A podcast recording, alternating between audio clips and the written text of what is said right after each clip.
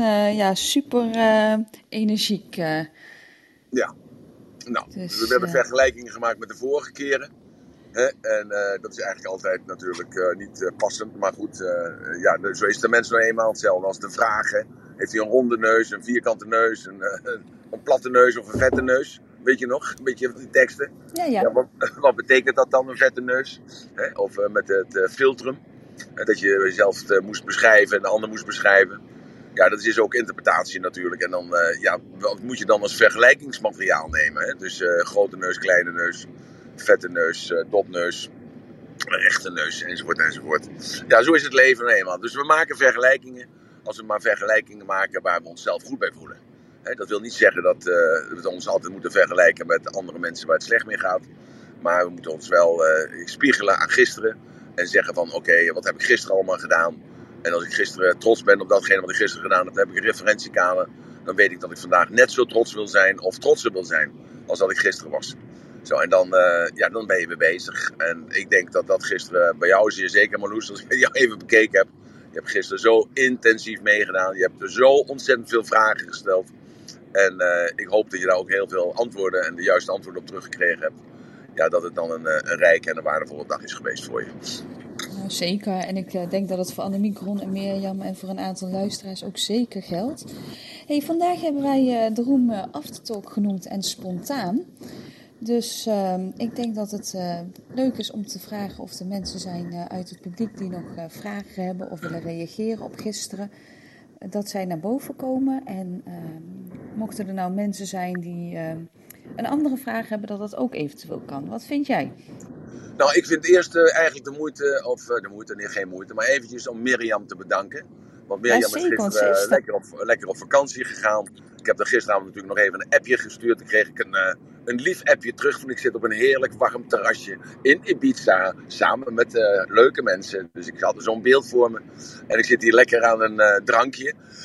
maar zij is, ze moest gistermiddag weg natuurlijk om 12 uur. Want ze moest om, om 6 uur het vliegtuig pakken. Maar even heel, heel, heel, heel hartelijk dank Mirjam. Want we, krijgen, we kregen van alle kanten kregen we complimenten over de organisatie dat dat gewoon helemaal feilloos, zonder één dissonant, zonder één fout verlopen was. Dus alleen daar chapeau voor nog meer, Jan. En ja, we zijn je daar allemaal dankbaar voor. En ik natuurlijk in het bijzonder. Want het zorgt ervoor dat ik een stuk rust heb. En daar ik me dan kan, ja, kan focussen waarvoor ik dan gekomen ben. En dat is op de andere mensen. Dus nogmaals, Mirjam, uh, ja, ik ben altijd niet, niet zo van de uitspreekbare zaken, maar... Uh, nou, heel bijzonder, heel bijzonder. Dankjewel, dankjewel. Ik zit heerlijk in het zonnetje hier. Op alweer, alweer! Alweer, alweer.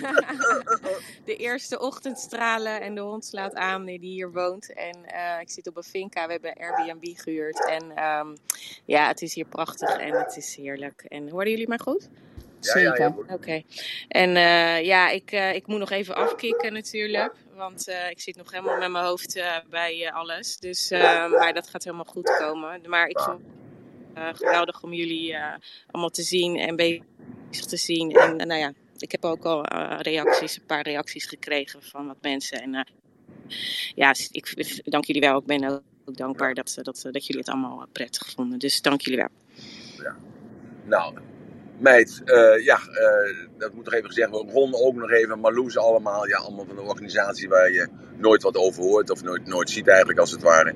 Maar dat heeft er wel voor gezorgd dat er rust was en dat ik dan kan uh, presteren. Hè? Dus daarvoor nogmaals mijn dank. Nou, zijn er nog mensen op het podium gekomen? Want ja, ik, ik hoop dat er wat mensen uit, van gisteren op het podium komen, zodat zij hun ervaringen kunnen delen. En misschien dat er toch nog door het geweld van gisteren, het geweld van gisteren, dat uh, misschien zij toch nog vragen hebben. ik kreeg natuurlijk allerlei lieve appjes s s'nachts en op de mail barsten het van de lieve appjes en lieve mailtjes. Dat het zo leuk was en succesvol was. En ja, die doorbraken die we meegemaakt hebben van een aantal mensen. Dus dat zichtbaar, dat, dat visuele, hè, dat beeld is sterker dan de wil. Hè, maar is, dat die, die doorbraken, dat je dat kan zien hoe iemand van een impasse, van een totale ja, uh, locked up. Zo'n totale, uh, totale vastzitten in een bepaalde state. Dat hij dan toch ja, door middel van body logic, door middel van die erkenning van oké, wat is het nou? Is het nou mijn intellect? Is het nou mijn wilskracht? Of is het nou mijn daadkracht? Door middel daarvan juist uit die lockdown te komen. En eh, dan dus dat patroonsinterruptie eh, zelf geeft door middel van een, eh, tastbaar iets wat eh, past bij eh, zijn of haar eh, body logic en dan die doorbraak mee te kunnen maken. Dus dat, dat was toch wel heftig, hè? Als we dan eh, zonder namen te noemen, eh, als ze erbij zijn, dan zou dat wel mogen, maar zonder namen te noemen, mogen we dat toch wel zeggen, of niet, eh, aanwezigen? Zeker. Hé, Michel, hoe vond jij dat? Als, eh, Dan vraag ik jou eens iets. Ja, ja, het was een fantastische ervaring. En, en ik wilde eh, eigenlijk iedereen bedanken voor een, eh, een geweldige dag. En wat een fantastische mensen allemaal. Eh, Ja, een hele slechte verbinding. Je hebt een slechte verbinding, Keel. kan we het zo doen? Dat is beter, hè? Nou, dan gaan, we even, beter. dan gaan we even naar iemand anders toe. Want het is altijd hetzelfde. Ik lig, het ligt niet aan die eenden. Dat, dat is niet de schuld. Het ligt op de een of andere manier toch aan... eh, het is allemaal... eh, of ligt dat aan mij, jongens? Hoor je me nu beter? Het Hoor je wordt me iets beter? beter, Michel. Ja, nou. Ja, Michel, dat is beter geloof ik. Ja. Nou, ik, eh, ik zei dat, het, eh, dat ik zo ontzettend dankbaar ben voor een fantastische dag. En met zoveel fantastische mensen. En dat die mensen allemaal ook zo open durven te staan en, en over de drempels heen gaan. Dat is gewoon een geweldige ervaring. En de organisatie was helemaal top. Dus ik heb echt genoten. En eh, het, is, het is dan niet eens vervelend om nog 2,5 uur naar huis te rijden. Dus, dus dat hebben we er allemaal voor open gehad. Een fantastische dag, top. Nou, oké. nou goed, dat is goed te horen. En, en, eh, ja, en, de doorbraak, hoe vond je dat dan? Eh, kon je je daarin vinden? Of eh, herkende je jezelf daarin? Hè, dus de, dus de vrouw met de spinnen en de, de vrouw met de slang. Ja, ik heb geen angst voor, voor, voor dieren, maar ik, het is wel ontzettend ehm, leerzaam om mee te maken hoe iemand daar zo in zit. En, en wat de drempels zijn en hoe moeilijk het is om daar overheen te komen. En dan is die overredingskracht ja, die jij dan, dan toch weer hebt. En ehm, ik ga niet zeggen dat het, eh, het, het kwam voor mij in ieder geval niet eens eens pushy over. Maar een ander die zou misschien kunnen zeggen van ik vind het wat te pushy. Dat vind ik zelf niet. Ik vind dat het nodig is om, om mensen te helpen. En je ziet het. Je hebt gezegd ook van, van als je het nu niet doet, dan krijg je er straks spijt van. En, en dat, dat werd ook uitgestraald. Dus, dus het is gewoon ontzettend mooi om te zien hoe je mensen over bepaalde angsten heen kan helpen. En dat is, dat is bruik, eh, bruikbaar in, in vele aspecten van het leven. Dus, dus eh, top gedaan. Fantastisch. Ja, maar kijk, dat, eh, dat pushy, dat is een interpretatie natuurlijk. Kijk, zij komen Ja. vrijwillig naar voren. Zij vragen vrijwillig hulp. Zij eh, vertellen vrijwillig hun verhaal in het verleden, hoe dat ontstaan is en hoe dat gevormd is in hun interne representatie. En dan, eh, ja, dan kun je natuurlijk verwachten van mij dat ik fluwelen handschoentjes aan heb. Maar die heb ik natuurlijk niet. No pain, no gain. Dat weten we allemaal. Als je vast zit, als je in een lockdown zit, ja, dan moet je af en toe eventjes roepen, schreeuwen, slaan, schoppen. Eh, om kenbaar te maken dat je daarin zit. Hè. Dus dat is dan eh, eigenlijk als het ware de, de ontvanger, de, ja, de, cliënt, om het maar zo te zeggen. Ja, en dan is er een speciale aanpak eh, voor nodig. En die aanpak, ik hoop dat je dat gezien hebt, die was juist met mensen met dat, dat hoge voorhoofd, hè, dus dat intellect meer ontwikkeld, was op een andere wijze als bij de vrouw die gewoon heel veel wilskracht had. En dat intellect en dat daadkracht kwam op een tweede en derde plaats. En dat bij de daadkrachtige persoon dat het weer anders ging. Dus ik, Ja. ik hoop dat je die eh, nuance hebt aan kunnen leggen. En ja, eh, als je er koud bij staat, als je je niet in kunt beelden dat je zelf ook angsten hebt. Of dat je zelf ook eh, punten hebt in je leven waar je vast zit. En of dat nou fysiek is met je gezondheid. Of het is met mentale oplossingsproblemen. Of in je partnerschap. Of ja, vul maar in wat je ergens mee zit wat je niet weet. En niet, niet alleen weet, maar ook dat ook niet wilt weten. Omdat je allerlei excuses hebt verzonnen. Waardoor je dus die confrontatie niet aandurft te gaan. Ja, dan moet het natuurlijk, en je vraagt dan toch die hulp, dus dat is het enige wat je kunt communiceren. Ja, dan is het natuurlijk zo dat er altijd iets gebeurt wat gewelddadig overkomt voor een objectieve persoon. Of eh, pushy overkomt voor een objectieve persoon. Totdat hij natuurlijk zelf aan de beurt is. En dat is eigenlijk ook het, eh, niet aan de beurt is eh, bij mij in de zaal, maar tot hij dan geconfronteerd wordt echt in de crisis. En daarom is dat altijd het mooie om dat te horen en te zien. Dat mijn grootste fans, dat zijn altijd mijn eerste, mijn grootste tegenstanders geweest.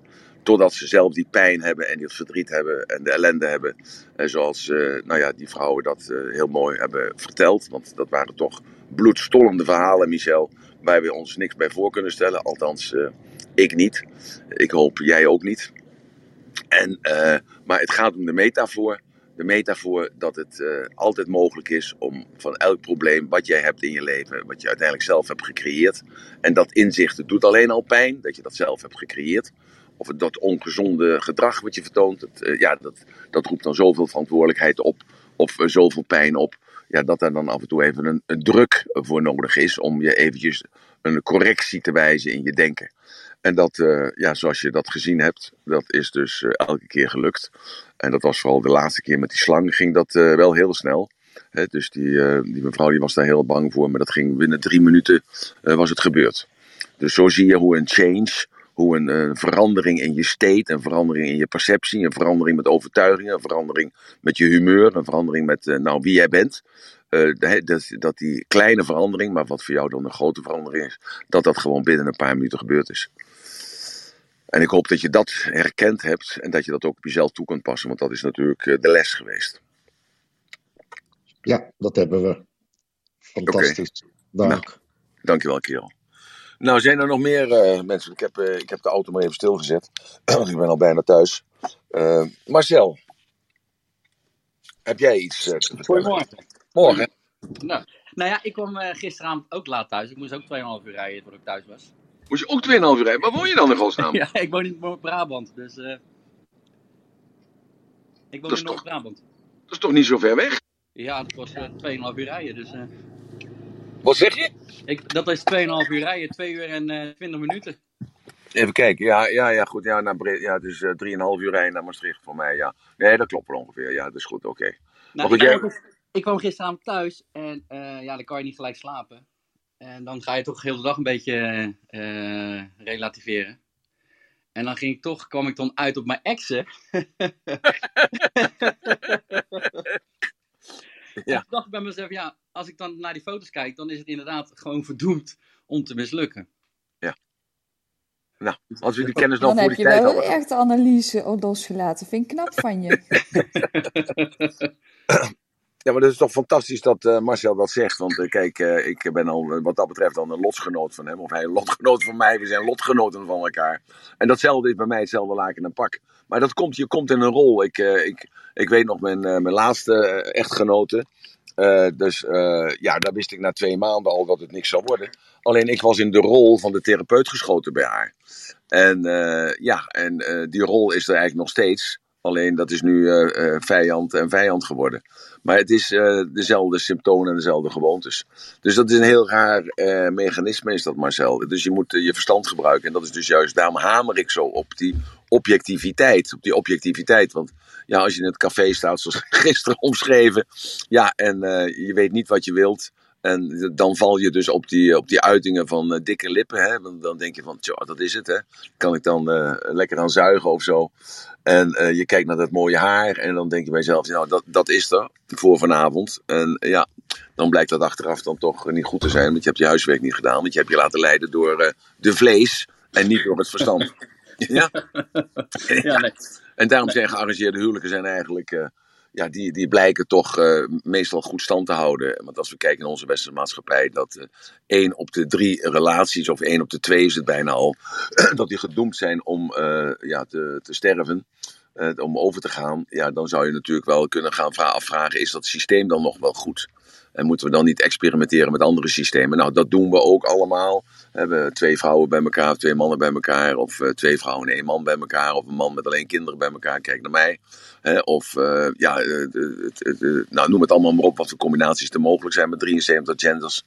En ja, dus er wordt al druk geëxperimenteerd. En de vraag is, en dat is ook een van de transities, transito uh, modellen, hè, waar we dus doorheen moeten gaan voordat we daar weer een, een bepaalde zekerheid, een bepaalde veiligheid in kunnen vinden en uh, ons kunnen hervinden.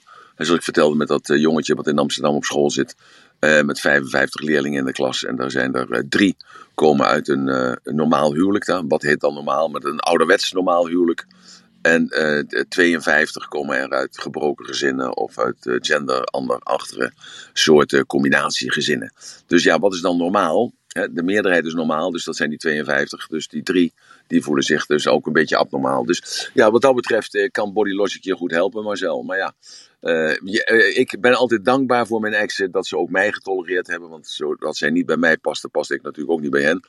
En ben ik dankbaar voor die ervaring, ben ik dankbaar voor dat leerproces. Maar ja, ik weet niet hoe het bij jou is, Marcel. Een ezel stoot zich menig een, geen twee keer aan dezelfde steen. Maar ik ben vele malen dommer als een ezel, want ik stoot mij vele malen aan dezelfde steen. Heb jij dat ook, Marcel? Eh, als ik nu terugkijk eh, wel, dan heb ik me wel een paar keer aan dezelfde steen gestoten. Eh, alleen nu zit ik wel in zo'n fase van, oké, wat ga ik nu doen? En Ja. hoe, hoe ga ik dit aanpakken? Moet ik dan gelijk kijken naar gelijkstemden zoals ik ben? Of Ben je er nog? Ja, ik ben er nog. Ja, ik ben nog. Ja, dat is de compensatie. Hè? Dat, Ja. dat hangt er vanaf waar je voor kiest. Kies je voor de compensatie of kijk je, kijk je voor gelijkwaardigheid? En dan gelijkwaardigheid is dan in de juiste betekenis van het woord. Hè? Dus eh, gelijkwaardigheid wil zeggen we zijn allen gelijk. Nou, dat is natuurlijk niet zo. Een man is anders dan een vrouw. En een, eh, eh, ja, iemand van, van 12 jaar is anders dan iemand van 82. Dus, maar gelijkwaardigheid betekent gelijke waarden hebben. En dat betekent eigenlijk de, de gelijk, het woord gelijkwaardig. En als je gelijke waarden hebt, hè, en dat is dus een gearrangeerd huwelijk, wie kent jou beter dan je ouders? En eh, ja, die zitten in een bepaalde bubbel en die willen graag dat die bubbel eh, hetzelfde blijft, want dat is vertrouwd. Dus die zekerheid, hè, zodat het nageslacht ook verzekerd is van eh, gezonde, ja, van een goede constitutie. Hè, dus die kunnen daarop matchen, kunnen zeggen van hetzelfde afkomst. en van daaruit, ja, zoals vroeger, misschien bij jou thuis werd het ook wel gezegd, Marcel, twee geloven op een kussen, daar slaapt de duivel tussen. En ja, zo is dat eigenlijk ook een klein beetje, maar dan niet in overtuiging. Ja, niet in de overtuiging van religie. Want ik ken heel veel mensen, dus die, de ene is Mohammedaan en de andere is christen. En, ehm, ja, en ik ken ook mensen die zijn eh atheïsten en hebben, ze hebben een relatie met iemand die eh, helemaal bij de Zwarte Kousenkerk zit. En die respecteren elkaar. Nou, dat is heel mooi, want dan hebben ze respect natuurlijk in die waarden zitten. En niet iedereen heeft dat. En eh, ja, dus dat is ook een keuze. Dus eh, compensatie van je eigen tekortkomingen, zoals je dus nu kunt zien in de spiegel. Eh, ja, en dan kun je samen tot iets groots komen. Of je kiest iemand met dezelfde handicap. Nou, handicap tussen aanhalingstekens. En, eh, maar wel met de gelijke waarden. En daarom kun je eh, beter daar huiswerk van maken vooraf. En zeggen van oké, niet alleen van hoe moet ze eruit zien, maar waar, moet ze in geloven? En ehm, ja, wat voor een opleiding moet ze gehad hebben? En wat zijn haar interesses? En eh, ja, wat, eh, hoe, wat uit wat voor gezin komt ze? Zoals ik wel eens verteld heb, van, eh, als, als, als jongen keek ik altijd in de bestekla bij mijn schoonmoeder. En ik keek naar mijn schoonmoeder. Totdat ik op een zeker moment het besef kreeg dat je vrouw op je schoonmoeder ging lijken na twintig jaar. En toen dacht ik, ja, dus, maar het is allemaal uiterlijk. En als je dan ouder wordt, heeft dat uiterlijk minder betekenis. Want dan merk je natuurlijk ook zelf dat dat uiterlijk vergankelijk is. En krijgt dat een andere rangorde op jouw keuzelijst. Dus het is Ja, een, eh, een lijstje afvinken. Wat zeg je? wat we wel geleerd hebben nu, is dat dus inderdaad dat uiterlijk wel bepaalde kenmerken heel duidelijk al naar voren Ja. brengt. Waardoor Ja. je van tevoren al eigenlijk kan weten, het past of het past inderdaad niet, wat. Marcel ook aange- aangeeft. Ja. Maar de vraag is dus, de keuze is dus aan jezelf. Hè? Dus eh, je bent volledig elke keer bezig om te compenseren. Dat hebben we duidelijk laten zien. Dat mensen dat ook onbewust doen. Hè? Met de blush, bij Nancy was dat. eh, de blush, de blush heet dat. Met de Nancy hebben we dat gezien. Hè? Dat dus de, de onvolkomenheid van de ene kant werd eh, meer geaccentueerd. Onbewust deden ze dat, zodat het toch gelijkmatig was. Zo, en zo is het met het lopen. Dus de, de persoon met het linkerbeen dat korter was. Ja, corrigeert dat dan toch met zijn rechterbeen. Belast zijn rechterbeen meer. En zo doe je dat ook heel vaak met je karaktereigenschappen. Compenseer je dat ook. Dus de, degene die, eh, die stil is, die overschreeuwt zichzelf heel vaak. Zo, dus, eh, en de ander denkt dan, nou, die is heel eh, bedreven in de communicatie. Maar datgene wat hij dan doet, dat is compensatie van het interne. En, eh, en daardoor krijgt hij dan vaak, of zij vaak, eh, vormt hem vaak een verkeerd beeld naar de, de buitenkant. Zoals de, die ene mevrouw die naar voren kwam, al dansend en al springend. Hè, en als je goed opgekeken had, dan zie je dat ze heel introvert is. Maar dat ze dus zichzelf even overschreeuwde. Dat was die laatste mevrouw die op het podium kwam. Weet je hem nog? Zonder een naam te noemen. Zeker. Ja. Yes. Annemiek. Oh nee, ik denk, ga ik eventjes reageren dat ik het wist. Oh. Goedemorgen. Maar ik denk dat jij ook wel heel trots mag zijn, Annemiek, want jij hebt ook iets heel leuks gedaan wat je nog niet eerder had gedaan. Jazeker, het vuur. Het vuur. Ja, oh, ik heb er ook in de deuk om gelegen. Want ik vertelde gisteren aan Emiel. Een deuk om- we hebben natuurlijk, dit is nu de vierde, de vierde seminar dat er is geweest. En die eerste twee, daar was dat gewoon een vast onderdeel van. En toen kon ik lekker mijn snor drukken. Door lekker op Clubhouse in de, in de lucht te houden. En ik denk, oh helemaal veilig. Laat die kolen maar lekker aan mijn neus voorbij gaan. En toen ben ik vorige keer bij Bodylogics geweest. En, eh, en nu deze keer, nou ja, mochten er weer bij zijn. Het zat verdorie die kolen ertussen. Dat wist ik dus niet. Ik denk, oh, ja, nu moet ik gaan. En het was zo gaaf. En nou ja, met de hele groep ook. Het, het was zo'n fijne, fijne vibe de hele dag. En we stonden daar met z'n allen op dat gras in die prachtige omgeving. En nou en iedereen is er gewoon zonder kleerscheuren doorheen gekomen. Nou, hoe mooi is dat? Ja, dat was natuurlijk het mooie. Het gaat altijd wel één keer fout bij iemand. eh, of bij twee personen. Eh, dat ligt eraan. En de, een van de laatste keren ja, luisterde niemand. Het gebeurt ook wel eens dat ik bij een studentenvereniging ben. En dan heb ik nog zo uitdrukkelijk gezegd: jongens, er mag geen alcohol gedronken worden. Maar dat hebben ze dan toch gedaan om zichzelf moed in te drinken. En al die lui die zich moed ingedronken hebben, die branden zich te poten. Dus dat is natuurlijk altijd lachen. Eh, voor mij althans, maar niet voor hen. En eh, ja, goed, eh, gisteren is het eh, toevallig dan allemaal goed, goed gegaan. En heeft iedereen, is iedereen er veilig overheen gelopen. Dus nog even een applausje voor Hans, die dat eventjes Ja. allemaal goed geregeld heeft. En eh, Alle de kolen, en hij had de kolen extra heet opgestookt, heb ik wel begrepen. Want hij zei, eh, ik had een blaasballig bij me. En daardoor heb ik extra zuurstof eh, dus toe kunnen dienen op die kolen. Dus het, eh, het was Oh. extra heet gisteren. Dus, dus de prestatie was nog vele malen groter als, eh, als andere dagen. Ja, de Oh, Hans, leert. Hans leert er elke keer bij. Ja, echt. Maar Emiel, ik vond het ook echt heel bijzonder. En de grap was ook, ik dacht achteraf ook, volgens mij was dit het doel dat ik er gewoon was. Dat ik over die kolen heen ging. En die opmars naar, nou ja, hoe, je, hoe je in zo'n dag, hoe je daar naartoe werkt. Ik vond het ook zo bijzonder. En ja, dat was dan ook echt mijn persoonlijke, ja, wat is het? hè? dit was voor mij, daarom geloof ik dat ook heilig. Omdat toen begon er van alles al te werken, toen je al begon over die voorbereiding. En hoe je dat inleidde. Ik vond het zo bijzonder hoe dat allemaal ging. En de kracht nam gewoon in die ehm, voorbereiding al toe. Terwijl je met die groepen bezig was, voelde ik gewoon steeds dieper van, ja, hè, wat maakt dat ik dit ga doen? En, en, en ja, zonder eigenlijk met mijn hoofd mee bezig te zijn, maar echt in mijn lijf. Dus alles kwam ook samen in dat moment. En ik vond dat zo bijzonder. En ja, ik heb er nooit met die ogen naar gekeken. En dit is echt iets, ja, dit, dit- als je dit ervaart, dan, dan, dan begrijp je het pas volgens mij. Maar zo is het met alles. Ja, Zo Ja. is het met alles natuurlijk. Hè. Je Ja. kunt er pas echt over meepraten. ja, Eh, op het moment supreme als je in zo'nzelfde situatie hebt gezeten. En dat is nou altijd als je de verhalen hoort van die dames eh, voor ons dan. Hè. Eh, dus eh, de eerste mevrouw die voorkwam die dat verhaal vertelde over het kinderthuis en over de behandeling en over dat ongeluk. En ja, dan, dan krijg je daar wel een beeld bij, maar je kunt nooit diezelfde frequentie bereiken die zij heeft. Want zij heeft daarin gezeten en op het moment dat ze dat terugvertelt, zit ze er weer in. En heeft ze diezelfde emoties en diezelfde gedachten als toen de tijd. En ja, dat is natuurlijk modelleren wat we in NLP leren. Dat, eh, dat zijn natuurlijk hele negatieve patronen. En die al van alles eh, beïnvloeden. Hè. Dat eh, energetisch proces heb ik gisteren nog een keer uitgelegd. ja. En, eh, maar ja, het gaat natuurlijk om, om je te focussen op het positieve. En dat negatieve, dat blijft. Dat, dat zit gewoon. Alleen je etiketteert het anders. En ja, hoe vlieg je het aan? Vlieg je het uit vanuit een eh, goed humeur of vlieg je het aan vanuit een negatief humeur? En dat bepaalt natuurlijk op dat moment de werkelijkheid. En dat bepaalt, ja, en eh, het voorbeeld ook van mij, van mijn koffie drinken drie weken. Ja, dat is natuurlijk een fantastisch voorbeeld voor iedereen. Want jullie denken allemaal dat ik een of andere eh, robot ben of zo. Maar dat is dus helemaal niet zo. Ik heb ook eh, gewoon mijn eh, tekortkomingen. En ehm, als een van mijn ex zou luisteren, dan zou ze, denk ik, nu denken van had je dat toen maar geweten. maar goed. Eh, maar goed, ja, mooi. ik, ik heb ook mijn tekortkomingen natuurlijk. En, en, en daarom is dat verhaal zo mooi dat ik dus dat ook, dat ik daar ook inval. Hè? Dat ik na 40 jaar in één keer denk van gezellig. En dan denk aan eh Douwe Egberts en ik zie de reclame voor me. En ik stop gewoon bij de, bij de McDrive en bestel gewoon een cappuccino. ja, ja. dus eh, de- in één adem door, bij wijze van spreken. Hè? Dat na 40 jaar. Nou, dat is hetzelfde. Dus die, die, die, die plaat, hè, dus die groef, eh, die, die naald, die, die glijdt zo weer in die groef. En, en daar zit je dan weer, huppakee.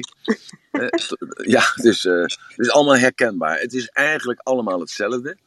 En, en om, juist omdat het allemaal hetzelfde zijn, het zijn alleen andere verhalen, maar het zijn uiteindelijk allemaal dezelfde conclusies. Dat iemand in een stuk state raakt, en dus in een lockdown raakt, in een locked-up raakt en gewoon niet meer weet van, ja, wat moet ik nou? Moet ik nou naar links of rechts, boven of onder en kan er niet uit.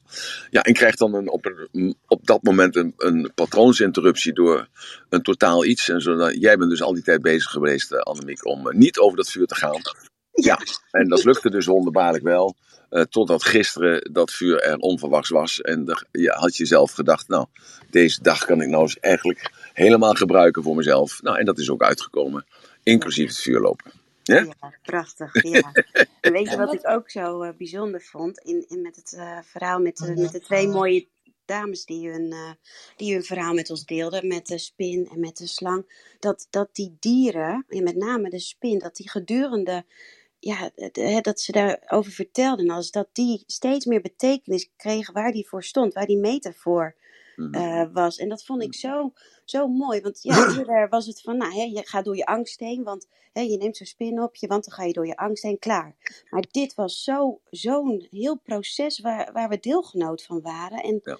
dat, dat vond ik echt prachtig om te zien, hoe, hoe zoiets kan veranderen. En waar, waardoor alles, je angsten, een metafoor zijn voor iets ja, wat op dat moment bij jou speelt, wat naar boven komt. En Ja. Dat is heel misschien mooi. een mooi bruggetje, Annemiek, naar degene die daarmee te maken heeft gehad. Ehm, wil diegene dat delen met ons? Ik zou het heel graag willen delen met jullie. Goedemorgen allemaal. Hoi. Hey Emiel. Nou, Jan, kun jij, wat kun jij snel lopen, zeg? Heb ik helemaal nooit gemerkt. En dan op die hakjes. nou, ik wil jullie in eerste instantie allemaal bedanken. Echt mijn dankbaarheid. Emiel, Mirjam, Marloes. Het was echt een prachtige seminar. En ik heb er heel de tijd onderweg terug nagedacht over heb ik nou echt werkelijk een vogelspin op mijn arm gehad en ben ik vrijwillig nog, nog een keer dat gaan doen. En ik kan het tot het moment van nu niet geloven dat dat echt gebeurd is, eerlijk gezegd. Want ik denk dat dat spin, spinnenangst van mij, wat je dus net zo mooi zei, Annemiek, dat er veel meer angsten waren die ik gisteren heb losgelaten dan alleen maar spinnenangst. Want het heeft zoveel met me gedaan en ik word daar gewoon emotioneel van. Dat komt omdat ik er. Ik kijk naar de video's net die de jongens naar mij toegestuurd hebben van gisteren. En ik zie dat ik continu aan het lachen ben. Maar ik was echt niet vrolijk van binnen. Ik was er zo bang als je maar kan zijn. En ik heb ook wel leren loslaten dat ik niet alles hoef weg te lachen. En dat ik ook een mens ben en dat ik angsten heb. En dat is helemaal oké. En ik ben echt trots op mezelf dat ik dat gedaan heb. Maar ik wil je echt bedanken, Emiel. Want als je me niet gepusht had, ik had dit never ever in mijn leven gedaan. Dus mijn dank daarvoor. Je schat ook mij niet bedanken, je moet alleen jezelf danken. Ik ben niet Emiel, je kraakt nogal. Je bent je eigen guru. Dat kraak ik. Ja, Oh, ja, ik, ik heb de motor gestart en ik, uh, ik rijd door. Uh, dan zal ik proberen de week om weer te stoppen. Uh, is het, uh, wacht even, op de telefoon in is het zo beter? nog niet? Nee. Uh, wacht even, dat kan zijn dan, uh, wacht even, wat staat op dat apparaat had ik. Zo beter? Nee, het lijkt alsof je de Kabeltje mond of tegen zo. de, ja, de mond tegen de microfoon hebt of dat Een het kabeltje niet kabeltje. goed zit. Ja. Ja, hij zit uh, los, helemaal losgekoppeld. Uh, oh, en de wekker is ook niet, niet uh, slecht. Oh. Nee, het is slecht. Echt, het is echt slecht. Nou, ook ineens. Dus, eh, Uh, en zo beter? Nog Nee. niet. Oh, ik kan me helemaal niks voorstellen. Ik heb al het uitstaan. Zo. Ik rij ook heel zachtjes. Misschien handig om heel even uit de room te gaan en weer terug erin. Misschien dat dat helpt. Uh, Nee. maar het lijkt wel een microfoon eh, iets. Ja, nou, hij komt zo even terug, denk ik. Nou, Matta, fijn dat jij jouw eh, verhaal in ieder geval al met ons hebt willen delen. En eh, ja, je zag het ook aan je handjes helemaal, joh. Je zit en, eh, mooi proces, dame. Niet alleen aan mijn handjes hoor. Nou, de rest was toch best stevig. Ik viel me niet tegen, zeg maar. Ik vond je best heel stoer. Nou, ja, ik deed stoer. Ik eh, ga je vertellen, Marloes, ik deed stoer. Ik was niet stoer. Ik trilde van binnen. Ik was zeik en zeiknat. Ik voelde gewoon de druppels vanuit mijn hoofd op mijn schouders en nek vallen. Ik was gewoon helemaal nat. En mijn lippen die waren droog. Ik dacht echt dat ik dood ging. Ik denk, dat gaat je toch niet gebeuren terwijl de camera aanstaat. En er zitten hier 30 man. Je gaat toch niet hier doodvallen. Ik ben echt intern aan het vechten. Maar het is gelukt. Je zag ook de fysiologische veranderingen in de lippen, hè? Dat, eh, dat heb ik nog, eh, eh, dus dat verteringsmechanisme, zeg maar als het ware. Dat dat eh, het water wegtrok, het vocht trok weg uit die lippen meteen. Klopt. Is de verbinding beter nu? Zeker. Oh, gelukkig, gelukkig, gelukkig. Oké, dus eh, ja, en dat is natuurlijk, eh, en, en zo ontstaan dus ook ziektes. Hè? Als je voortdurend in een soort stresssituatie bent, want nou, op dat moment eh, was Matta ook echt in een stresssituatie. En eh, ja, dan is dat weglachen, dat, eh, dat helpt eigenlijk op een zeker moment niet meer. En dat, ja, als je die overlevingsstrategie hebt in je, in je dagelijkse gang van zaken, ja, dan heeft dat zijn weerslag allemaal op eh, ja, oxidatieprocessen in je lichaam. En eh, dan ontstaan er allemaal ontstekingen waar je gewoon, eh, ja, dan kun je medicijnen slikken, dan kun je mediteren wat je wilt, dan kun je doen en laten wat je zelf wilt. Maar je moet de oorzaak wegnemen. En, en dat is eigenlijk ook een les die erbij zit. Maar dat allemaal ja, vanuit dat body logic gezien, dat lichamelijke, hoe dat, eh, hoe dat gevormd is en dat dat jouw constitutie is. Hè? Dus dat is de, de blueprint, de blauwdruk van, eh, ja, van je leven. Dat is, dat is leesbaar. En, eh, ja, en dus daardoor ook eh, meetbaar. En daarom zijn die lijsten die we ingevuld hebben zo belangrijk. Ik hoop dat iedereen die mee naar huis genomen heeft. En, en die nog eens een keer nameet als er dus iets niet klopt. Hè, met het optellingen wat we gedaan hebben. Van, weet je wel, met die hoofden. Dat is die discussie nog hebben gehad. Met die mooie tekening. Hè, hoeveel hoofden er dan in je lijf zouden zitten. En eh, de, ja, dus de gulden snede. Eh, zodat je dus die eh, volkomene symmetrie hebt. En dat dat lichaam ook daaraan moet voldoen. Om juist te kunnen zien of je groot, klein, breed, dun. Eh, of ja, wat voor een andere maateenheid je ook gebruikt. Dat dat zo eh, klopt of niet klopt. En dat je van daaruit natuurlijk dan die karaktereigenschap kunt ontlenen. Maar goed, daar gaan we het nog een keer over hebben. Daar zullen we nog een keer een boom over houden. Lijkt me verstandig. Want eh, ja, dat, dat we daar nog een keer dieper op ingaan.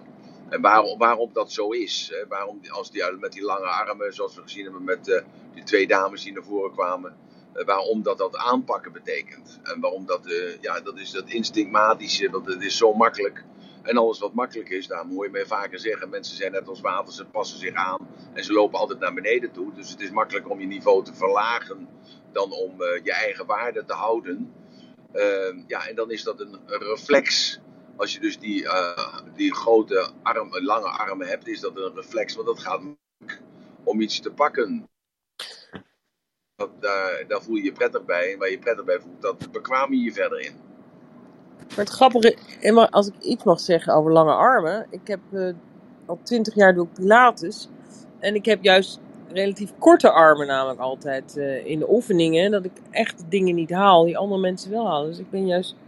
Maar nu Ja. blijkt ik een hele lange arm te hebben. Volgens mij. Ja, want, ja, want je moet meten met de verhouding van je lijf. Ja, precies. Maar Hetzelfde als die mevrouw die een hoofd had van 22 centimeter, weet je wel? Ja, En, en, ja. eh, nou, en dat, dat opmerkelijk is dat het niet opgevallen was, omdat ze dat compenseert met de haar. Hetzelfde als eh, een van de dames had het, de haardikte van eh, 0,1 eh, 1 honderdste nanomillimeter. Hè, En dat was heel extreem, want de, degene die daarboven zat, die zat op plus 4. En degene die daarboven zat, zat op 6 en maximaal was 8. Dus dan kun je zien gewoon dat dat, eh, dat één, eh, ja, dat, dat het opmerkelijk is. Dus als ik haar tegen zal komen, zal ik eh, onmiddellijk daaraan denken. Ze zit in de room. En eh, ja, dat is dan een geheimpje tussen ons tweeën, hè? Of niet? Helemaal, Emiel. Maar nou niet meer. Zo. Ja, het heeft helemaal niks met volume te maken, toch? Eh, met de geluid zoals je praat, of eh, hoe bedoel je daarmee? Nee, het haarvolume, want het op zich eh, is natuurlijk prachtig leuk haar. Want helemaal. Hè? Ja, maar ze hebben alles over haar, eh, dus Ja. dat, eh, de, de kwetsbaarheid, hè? Ja, precies. Dus, eh, en, daarom is wel het zo fantastisch eh, mooi dat eh, gisteren ging ze weg en toen zei ik van tegen iedereen van, eh, het is gewoon 20 jaar jonger geworden. Het is gewoon een jonge giet man. Het is gewoon, eh, als ze zegt dat ze, als, ze- als het 19 is, geloof je het gewoon. Is ongelooflijk. Zo, dus, dus die werkt zich zo aan zichzelf. En Annemarie die er was, Ja, die had ik dan eh, drie maanden niet gezien. En die drie maanden wel eens contact met haar gehad. En die had me ook verteld van dat ze beslissingen had genomen. En ik zag gewoon dat ze die beslissingen had genomen. En dat die congruentie er gewoon was. Ja, en dat, dat maakt mij zo blij. En eh, ja, dat maakt haar natuurlijk ook blij. En ja, dat is Ja, natuurlijk fantastisch. daar ben ik nog steeds.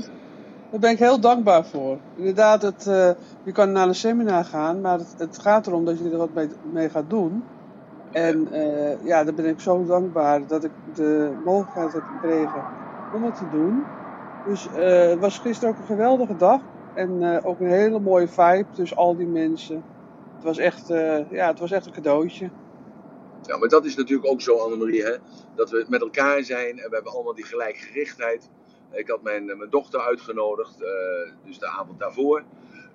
en ehm ja, Minou zei, ja, wat moet ik daar dan? En ik ben al zo vaak bij jou geweest en zo. Ik zeg, mijn lieve schat, eh, ik hoor jou zo vaak praten, maar het is zo fijn om met gelijkgezinden samen te zijn. Ja, maar zus, en ja, maar zo, en ja, maar dit, en ja, maar dat. Ik zeg, lieverd, ik zeg, geef het de voordeel van de twijfel. Dus je zoontje is even weg bij je ex. Je bent alleen. eh, nou, zo te horen heb je geen plannen. Dus eh, nou, rij even naar Elspet toe, eh, drie kwartier rijden en dan, nou, dan maak je dat gewoon mee. Ja, maar zus, ja, maar zo, en hoe moet dat dan? En zo. Ik zeg, nou, kom dan gewoon, gezellig. Nou ja, en die heeft mij gewoon eh, gisteravond, eh, geloof ik, een uur gebeld om te zeggen van dat ze het zo fantastisch vond. Ja, de inhoud die kenden ze dan al, hoewel ze zag het nou ook wel weer op een, in een andere staan, in een andere, in een andere hoedanigheid, omdat ze ja, toch zelf ook gegroeid was natuurlijk in de afgelopen twee jaar, sinds de laatste keer dat ze daarbij was geweest. Maar ze was voornamelijk getroffen door, eh, ja, door, de- door de vibe van de mensen om elkaar heen, die belevenis, die gelijkgezindheid, die gelijkgerichtheid, hè? eh, die kwetsbaarheid, het, lieve, het zachte, maar tegelijkertijd ook het harde. En eh, ja, dat allemaal mag en dat het allemaal kan en dat zulke soort mensen openstaan. En eh, dat was bijna vergeten omdat ze dus in een bubbel zitten die eh, ja, zakelijk is en afspraken maken en eh, ja, niks wishy-washy. Gewoon eh, werken en zorgen dat je afspraken nakomt. En, en is dan vergeten van dat, dat, zachte, dat die zachte kant van haar ook gewaardeerd kan worden. En dat was voor haar wel weer een, een, ja, iets heel belangrijks om dat mee te maken. Dus daarom is dat samen zijn is zo, ja, is Ja, zo dat heb ik wel gezien. Ja, ik heb het ook wel gezien bij Benieuw. Dat ze Ja. echt een hele mooie eh, eh, energie heeft, zeg maar. En Ja. ja, ja ik, ik heb een paar keer eh, in haar buurt gestaan en ook even met haar gegeten. Maar het is echt een... eh, ja, naast het zakelijk kan, kan je ook heel veel eh, andere Ja. eh, dingen aantippen bij jezelf. Ja, ja, ja, ja, ja. Maar goed, het is ook niet, het is ook niet makkelijk om zo'n vader te hebben als ik hoor. Dus we dat even Nee, dat weet ik. Oh ja, dankjewel. En, eh, ja, ja, nee. Maar goed, dat is natuurlijk zo. Want ik heb bijvoorbeeld mijn zoon Emilio. Dan, eh, die had gisteren een voetbalwedstrijd. En eh, ja, Ronaldo is een grote held. Dus hij zei, nou ik zit nu in de verdediging. En ik zal ervoor zorgen dat we gaan winnen. En, want ik wil eh, gescout worden. Ik wil bij Ajax of Vitesse of bij Feyenoord weer lopen. Ik weet niet welke club die wil. Maar goed, dat wil hij allemaal. Ik zeg, nou, ik zeg, dan moet je zorgen dat je gaat winnen. Maar denk erom, er is geen goed of fout. Er is alleen maar een leerproces. Nou, en gisteren, hij zei, nee, maar we gaan winnen met, eh, met 3-0. Ik zei, nou, fantastisch, lieverd. Dus ik kreeg gisteravond kreeg ik een, eh, een appje van, eh, ja, we hebben verloren met 12-0. Oh, 12-1. Ik zei, nou, dat is dan mooi. Hij zei, ja, maar papa, ik heb dit en dat en dat en dat van geleerd. Ik zei, nou, fantastisch dat jij dat zegt, kerel. Want dat is de, de, eigenlijk een eigenschap van een, van een karakter-eigenschap van een kampioen. Die niet kijkt of goed of fout, niet zich fixeert op dat moment, maar wel zegt, wat kan ik daarvan leren. Zo, dus ja, dat is natuurlijk wel iets, eh, ja, en dat kun jij je kinderen ook geven natuurlijk met alle inzichten.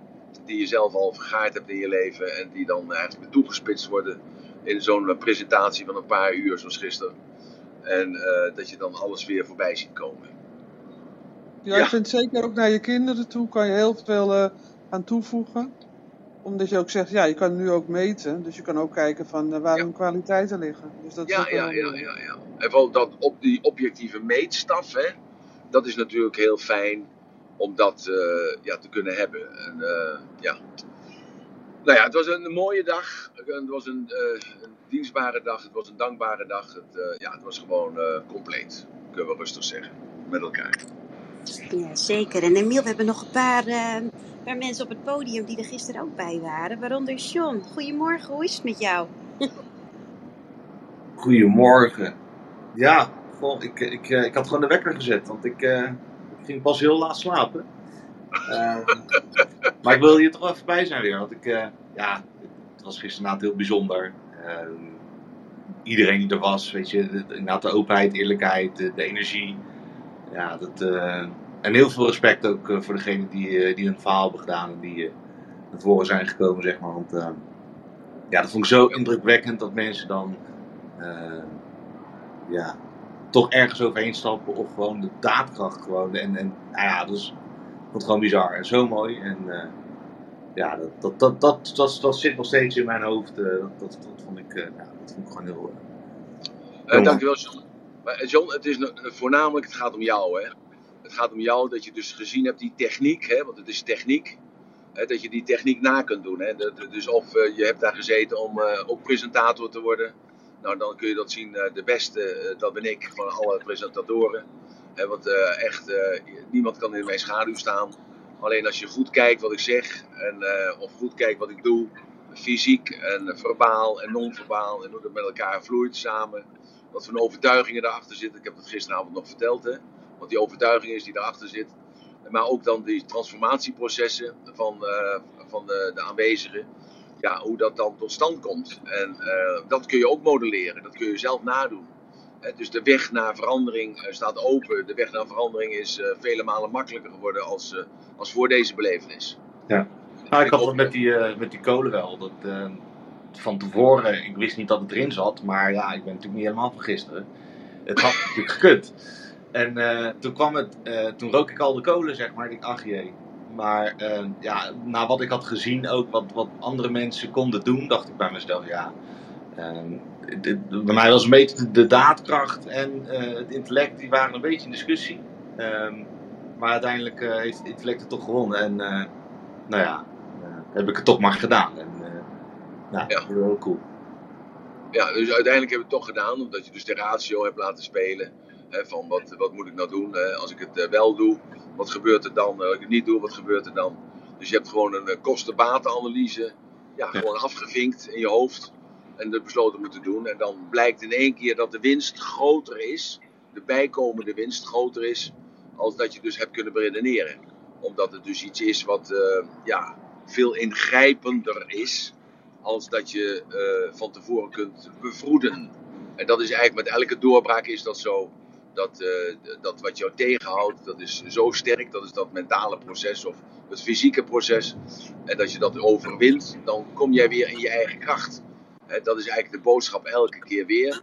Dat jij bepaalt dan of jij slachtoffer blijft of dat jij de overwinnaar wordt. En dat je de champion bent van jezelf. En dat is die personal power die iedereen kan eh, ontdekken en iedereen kan toepassen. En dan niet alleen eh, tegen zichzelf, maar voor zichzelf. En dat is eh, denk ik de belangrijkste conclusie van ook van Body Logic. Dat je ondanks je gebreken en ondanks je tekortkomingen en ondanks dan, dat dat aangeboren is, dat je daar toch mee kunt leven en dat er toch een volwaardig leven mee kunt scheppen. En, en dat is eigenlijk, ja, denk ik, de boodschap geweest van gisteren. En dat Ja. dat heel duidelijk over is gekomen. Ja, ik vond het heel mooi. En ik, nou, nogmaals bedankt Emiel. Ik, eh, ik kan ook, eh, geloof ik, de eerste komende dagen niemand normaal aankijken. Mensen zullen wel denken, wat zit hij maar aan te kijken, joh. Maar dat is waarschijnlijk omdat ik eh, aan het meten ben in mijn hoofd. Dankjewel. Meten is weten, hè? Je weet het. Oké, jongen. Dankjewel, John.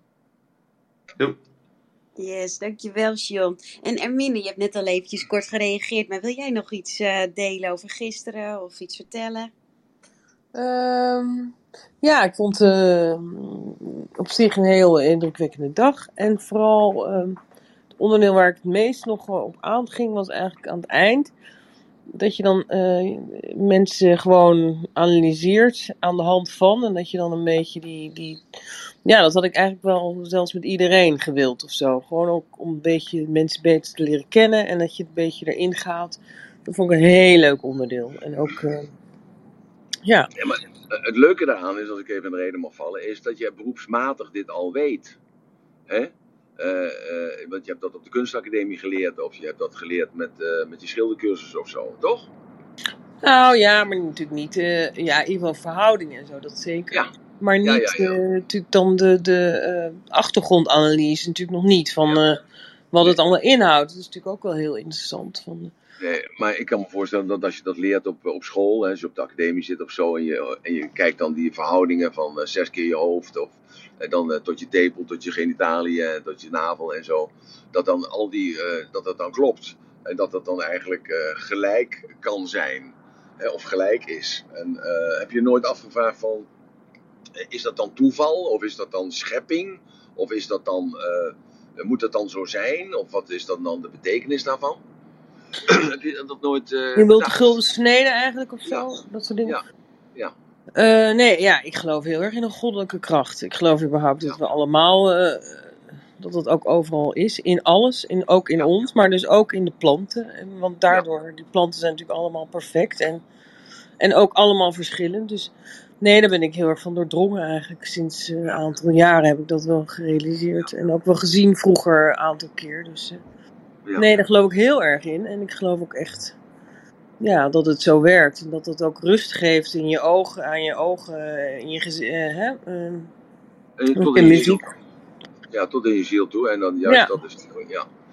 En dat zoek ik dus, ook eh, wel in mijn schilderijen. Doe ik dat ook onbewust. Merk ik altijd wel weer dat het, daar, dat het er toch in zit. Dat zijn ook de beste schilderijen vaak. Ja. Dus, maar als je het heel bewust gaat opzoeken, dan wordt het, krijgt het iets gekunsteld. Dus het is wel Klopt. mooi om het een beetje natuurlijk te laten ontstaan. Dat, ik probeer ja. altijd te luisteren naar eh, Ja, wat me door, het- wat ik eh, voel. En dat betekent dat het onbewuste, on- dat onbewuste bekwaam zijn. Hè? Dat moet je dus eerst dan eh, eerst allemaal ja, oefenen en eerst allemaal leren. En dat het Ja. koud, koud is. En dan op een gegeven moment wordt het je eigen. Heel veel kijken. Ja. Ja, heel veel kijken. En dat doe jij natuurlijk als kunstenaar. eh, doe je dat eh, zeer zeker. Al Ja. Van nature, zou je bijna zeggen. Nou ja, dat precies. Dus, eh, nee, zeker. En dat, op een gegeven moment zit het erin en dan doe je wat je zegt. Nou, het is echt letterlijk dat. Onbewust eh, bekwaam, ja. Maar wij hebben ook allemaal van jou genoten hoor. Zeer zeker, toch? Nou, Yes. Nee, Anne- Annemarie, de, de, performance die je even gaf, zo, dat was ontzettend leuk. We, we, we, ik tenminste heb al hartelijk gelachen om jouw persiflage over eh, hoe Ratelband dan voor het, eh, voor het podium staat. Ja. Die had opgenomen moeten worden, Emine. Nou, ik geloof dat Maroeska het heeft gefilmd. Dus eh, Oh, ja. ja, ik ben ook benieuwd. Ik heb het nog niet gezien, maar ze, ze zijn, moest eerst vliegen terug naar Spanje en dan eh, zou ze het opsturen. Dus eh, ja, ik eh, kijk een beetje met huivering naartoe natuurlijk. Nee hoor, dit hoef je niet te kijken. Dat geniaal, geniaal. Ik heb me helemaal herkend daarin. Ik zal voortaan het rustiger doen. Nee, maar juist die energie, ja, maar juist dat is wat jou zo speciaal maakt, Emiel. Het is gewoon juist die energie die jij weet over te brengen. En ja, dat is gewoon, ja, dat maakt, zo'n, eh, maakt het ook gewoon bijzonder. Het is gewoon, ja, dat is jouw persoon en dat is ook waarom het gewoon werkt, denk ik. Eh, Je kan ook, eh, ook andere dingen vertellen en dan nog zou het werken, omdat je gewoon, ja, jouw persoon erin gooit en dat maakt het eh, bijzonder. Ja, zeker. Dus het was, Hm? Epigenetica. Maar zoals jij, met dat, eh, zoals jij mij persifliseerde, met, met, met, met die, met die eh, stick in de hand, met de, de, de schrijfstift in de hand. Zo, dan wijst met, die, wijst met dat ding, met die stift naar, naar mensen. Ja, dan moet ik denken bij mezelf, doe ik dan nou werkelijk zo? Dan zo belerend of zo. Dus ik moest ik echt het broek plassen van het lachen. Zo, dus dat was echt mooi. Dankjewel daarvoor voor dat mooie Ja, ga. Ik had niet eens goed voorbereid, want anders had ik nog wel iets eh, sterker kunnen maken. Want, eh, ik deed het echt dan? puur, puur, ineens kwam het in me op. Omdat jij zoiets Oh. zei van, nou oké, doe maar. en ging gewoon zitten en je liep naar staan. Ik dacht, nou dan moet ik toch wel iets. Maar ook leerzaam gewoon om mee te nemen. Als ik dat, eh, ja, wie weet, eh, ga ik zelf ook nog eens een keer zoiets doen, dan weet ik wel hoe ik het moet doen. Althans, op mijn manier, maar eh, ja, die energie die je ingeeft, dat is gewoon heel leerzaam om te zien. Want daar haal je, neem je gewoon mensen mee mee. En eh, dat Is is dat wat zo? het is. Hè? Het is toch een soort samenzang van al die mensen, al die energie die gewoon, eh, ja, nou, bijzonder. En dat haal, ja, bijzonder om mee te maken. Dus eh, Nou, fijn. dank ervoor. Nou, jij dank dat je ervoor open stond. Dank dat je die signalen opgepakt hebt. En dank eh, dat ik eh, daar Voor reflecteren. Terug reflecteren. Oké, mooi. Ja, gedaan.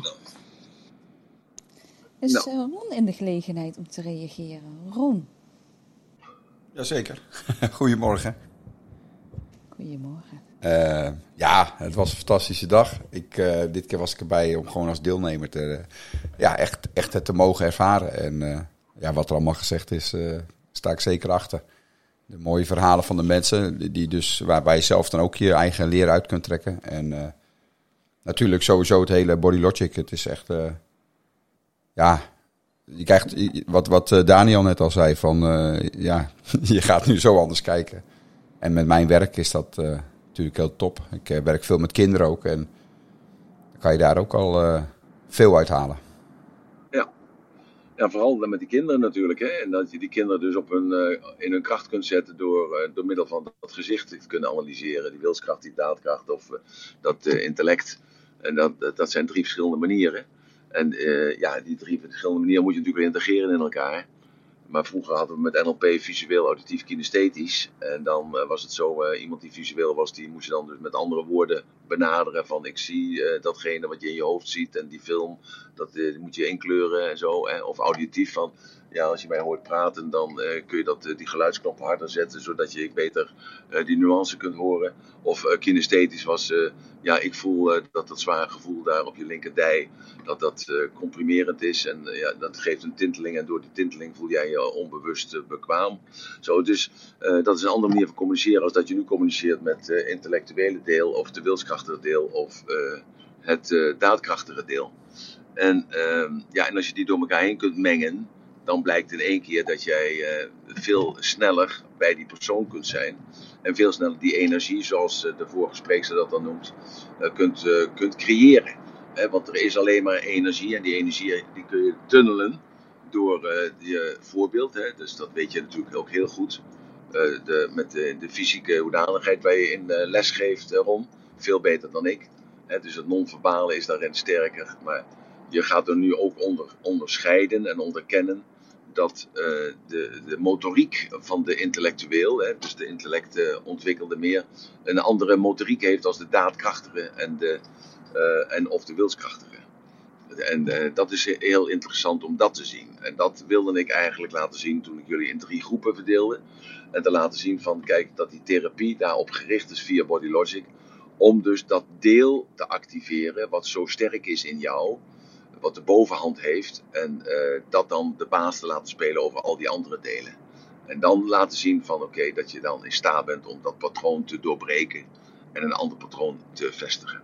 En ik hoop dat dat eh, duidelijk overgekomen is in dat laatste stuk, in de laatste drie, vier, vijf uur van het, eh, van het seminar.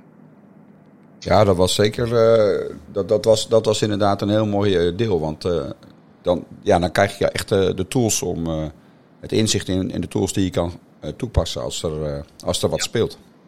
Ja, want dat is het belangrijkste natuurlijk, daar gaat het altijd om. Hè? Dus de woorden zijn goedkoop, hè? words are cheap, maar het gaat natuurlijk om de daden. Het gaat natuurlijk om het eh, te doen.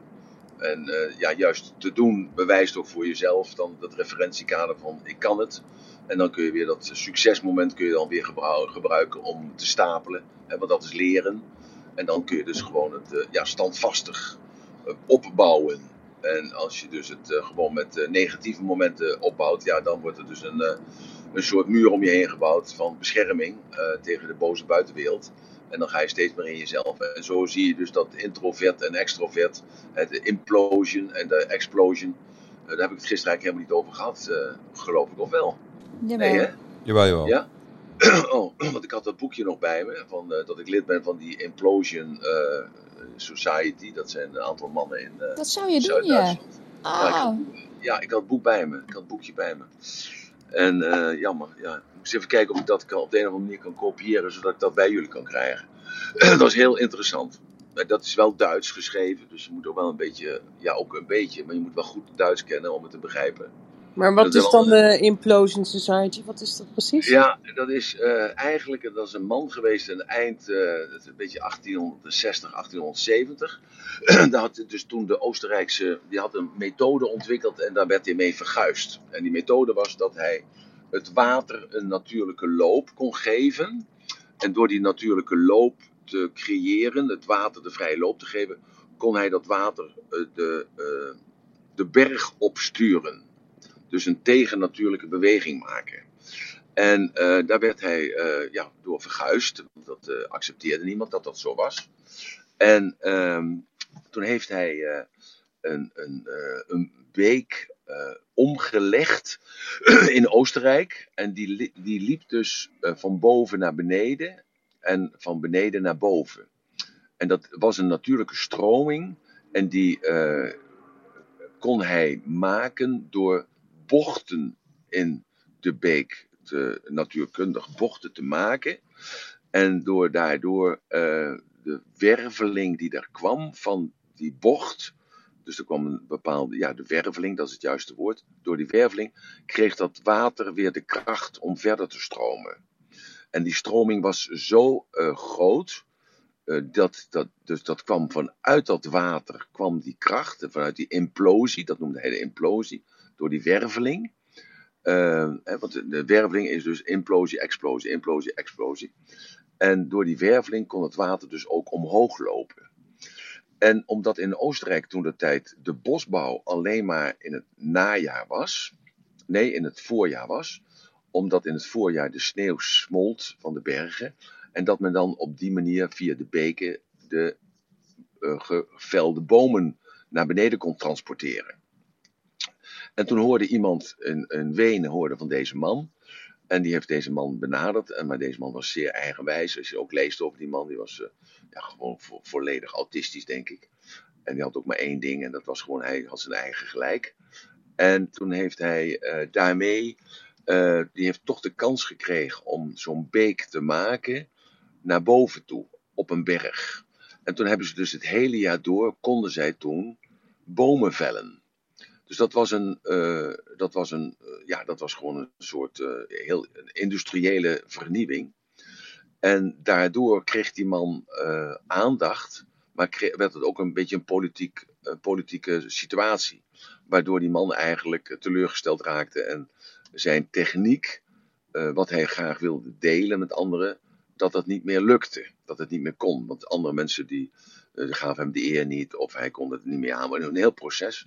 En toen uiteindelijk, maar dat is het interessante daaraan, dus dat heeft een jaartje of 30, 40 geduurd in eh, Oostenrijk. En toen kwam Hitler aan de macht. En toen heeft Hitler hem gevraagd, eh, want die was heel geïnteresseerd in natuurkundige zaken, esoterische onderwerpen. Bijvoorbeeld, hij was een grote aanhanger van Atlantis. Daardoor zijn ook heel veel symbolen van Atlantis. Die zijn verworden tot symbolen in het Derde Rijk. Dat weten heel veel mensen niet. Maar hij heeft daar heel veel van gekopieerd en gemodelleerd. En hij hoorde van deze man in Oostenrijk. En hij heeft deze man uit Oostenrijk laten komen. En hij heeft gesproken met hem. Dit is historisch bewezen dat dat zo is. En deze man, eh, die wist natuurlijk wel wie Hitler was. En hij was ook absoluut geen fan van Hitler. Maar hij was natuurlijk wel getroffen door de belangstelling die hij kreeg. En dat hij serieus genomen werd. En toen heeft Hitler hem een, eh, een ongelimiteerd budget gegeven. Om zijn technieken van implosie eh, te gebruiken. Te mogen gebruiken en te experimenteren. En dat heeft hij gedaan. Eh, hij heeft een laboratorium gekregen in de buurt van München. Met eh, een aantal, paar honderd medewerkers. En een ongelimiteerd budget. En een generaal die boven hem stond. En de eerste generaal, dat lukte niet zo goed. En de tweede generaal ging veel beter. En daar heeft hij dus een aantal ontdekkingen gedaan. Of de ontdekking die hij al gedaan heeft, hebben ze daar vertaald in wapens. En dus de V2 komt daar vandaan. En eh Braun, eh, dus eh, Werner van Braun, was een van de uitvinders van de V1 en de V2, die later na de oorlog meteen geëxporteerd is naar Amerika en daar professor is geworden van de NASA in Florida. Dat was een van zijn adepten. En hij heeft dus toen eh, laten zien dat gewichtloosheid er is. En dat dus een vliegende schotel, zoals we die kennen van de aliens, dat hij dus gebruik maakt van die techniek, van die implosietechniek. En eh, daar heeft hij drie jaar heeft hij toen in dat laboratorium gezeten met een paar honderd man. Daar heeft hij heel veel spulletjes ook gemaakt. Die zijn ook veel bewaard gebleven. Deze club waar ik lid van ben, die heeft heel veel van deze spullen. Die worden bewaakt als, eh, natuurlijk als, eh, ja, als, als, als meer dan goud. Want daar zit dus de, de oplossing in van heel veel vraagstukken die vandaag de dag spelen over milieu, maar ook over transport en over eh, beweging en over wat Tesla zei. Want hij had met Tesla had hij ook een lijntje. Maar Hoe dat precies zat, weet ik niet meer precies. Maar had, het, het had een lijntje met Tesla, met meneer Tesla zelf. Zo, dus dat is heel interessant om, om daarover te praten en over de, eh, van gedachten te wisselen. En één keer per jaar eh, vindt dat dan plaats in de buurt van München. En dan ga ik proberen, ik ga daar naartoe, ik probeer daar naartoe te gaan. Het moet dan ook uitkomen. En dan eh, zitten daar allemaal oudere mannen, alleen maar oudere mannen. Ik denk dat ik een van de jongste ben. En, ja, en dan wordt daarover gesproken. En dan hebben ze zo'n machine, hebben ze dan, hebben ze dan meegenomen uit die geheime bergplaats. Want zijn kleinkinderen zijn heel actief met die club. En dan wordt dat apparaat wordt dus dan eh, op, de, op het podium gezet. Dan mag iedereen mag daar naar kijken.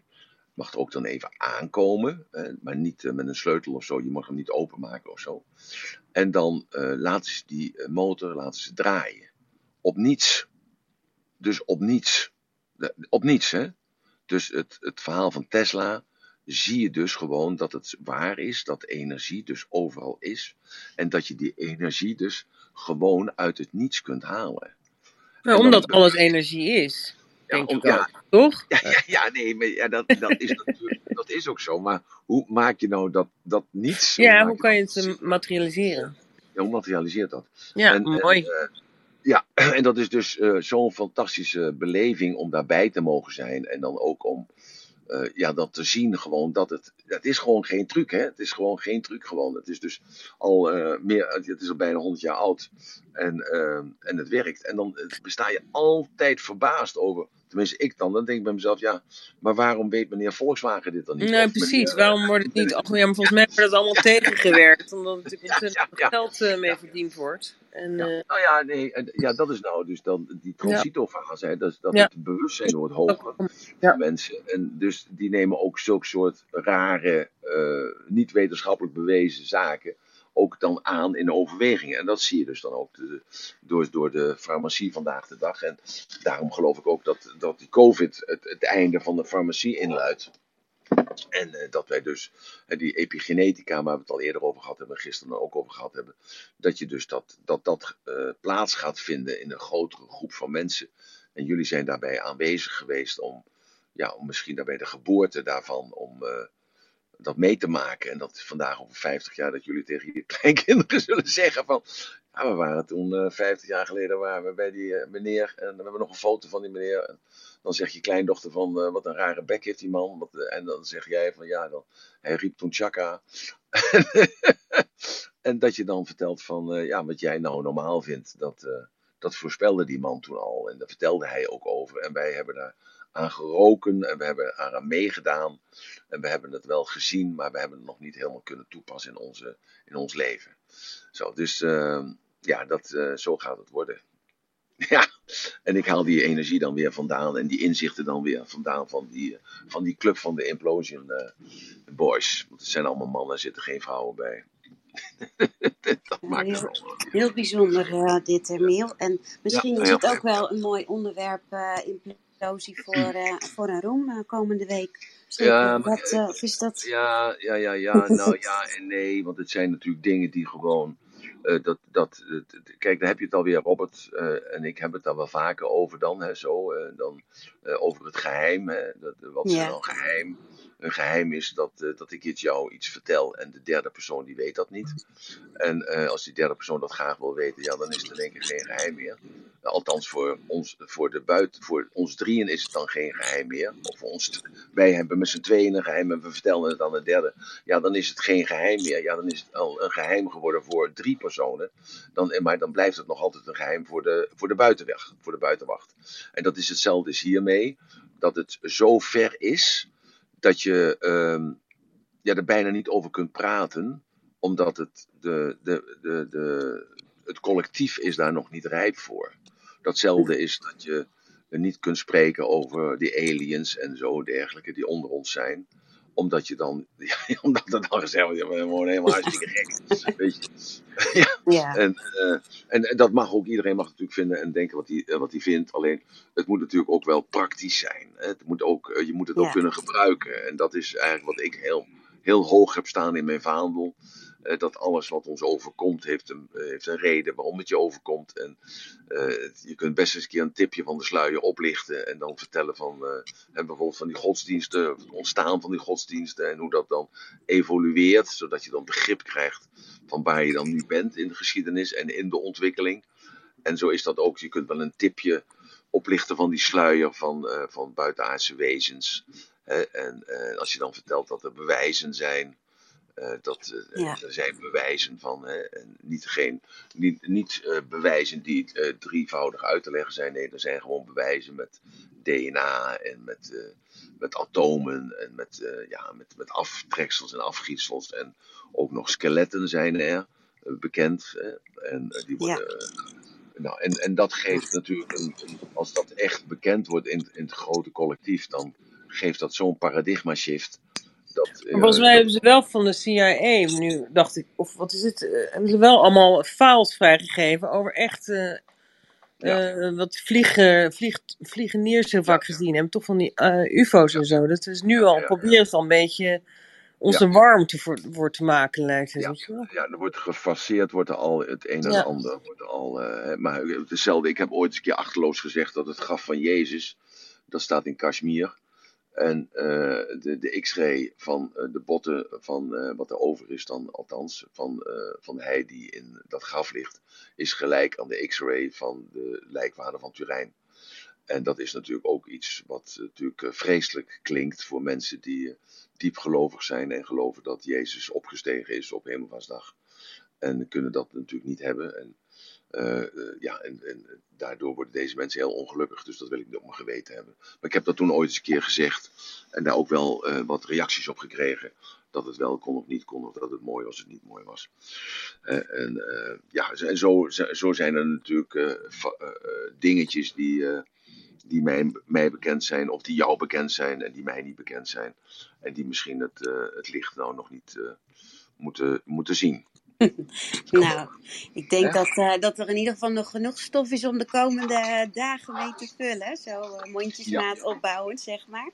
En, maar we hebben Ikasia en eh, Jitka ook nog bij ons op het podium. Ikasia, hoe is het met jou? Nou, ik ben helemaal klaar wakker. Ben je veilig thuis gekomen? Ja. Ja hoor. Het is allemaal goed gelopen. Nog net de laatste trein kunnen pakken. En, eh, dus ik was er rond een uur of één, nee, half twee was ik thuis. Oh, dat is Ja. Ja, is goed gegaan. Ik was ook blij dat ik gewoon in mijn eigen bed eh, kon slapen. Nou, ik heb een heerlijke dag gehad. Ik heb echt eh, nou, genoten van iedereen. Ik heb meerdere keren ook gewoon lekker op afstand gestaan om te kijken naar de groep, de mensen. En ja, het is zo fijn om met gelijkgestemden te zijn. En toch ook al die verschillende, bijzondere mensen om je heen te hebben. Met ieder zijn eigen karakter, zijn eigen uiterlijk. Het werd voor mij die, die middag, of die dag, werd gewoon nog helderder. Weet je, ik begon meer details te zien. En dat, eh, ja, dat, dat neem je met je mee. Dus dat is, vond ik prachtig. Ik, ik heb ook ontzettend genoten van jou. Het is voor het eerst dat ik je ook echt in actie heb gezien. En je zit zo geweldig in je lijf. Ik bedoel, als je het moment dat je daar eventjes in je chakra-positie gaat, weet je, dan je- sta je daar zo gegrond. Denk van, wauw, echt een warrior. Had je me nog vond nooit ik- gezien dan?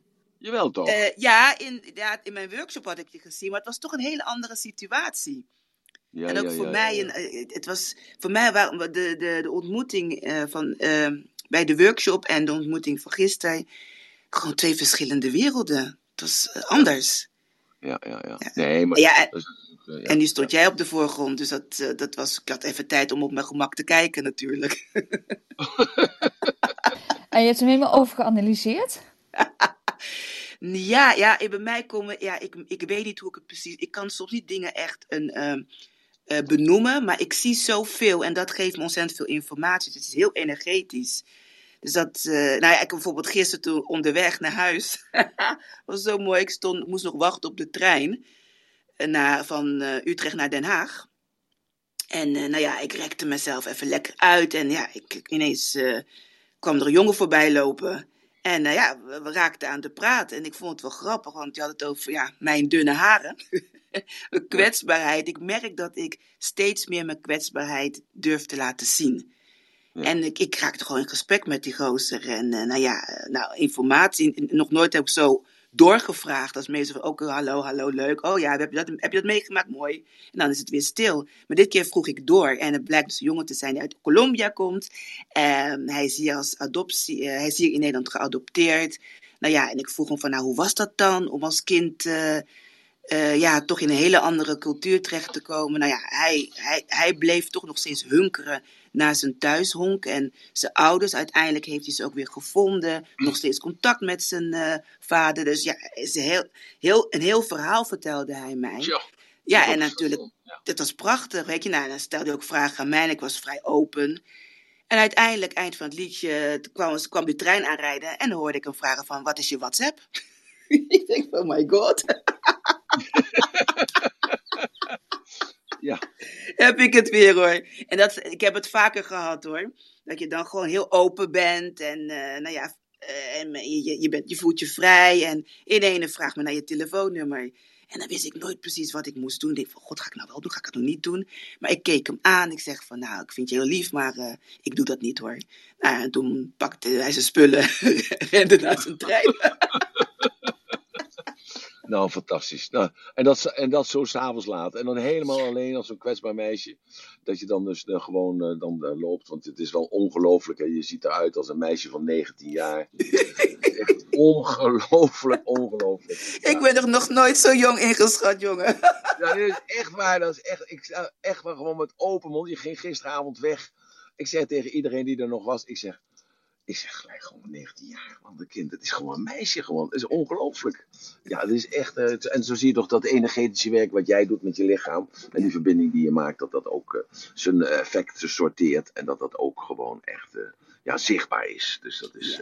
Nou, dat is heel mooi, ja. Maar ik Ja. voel me ook zo, hoor. Het is echt Ja, dat voor mij... want het Dat is ongeveer 18, 19 jaar geleden dat ik zeg maar, die ommezwaai maakte in mijn leven.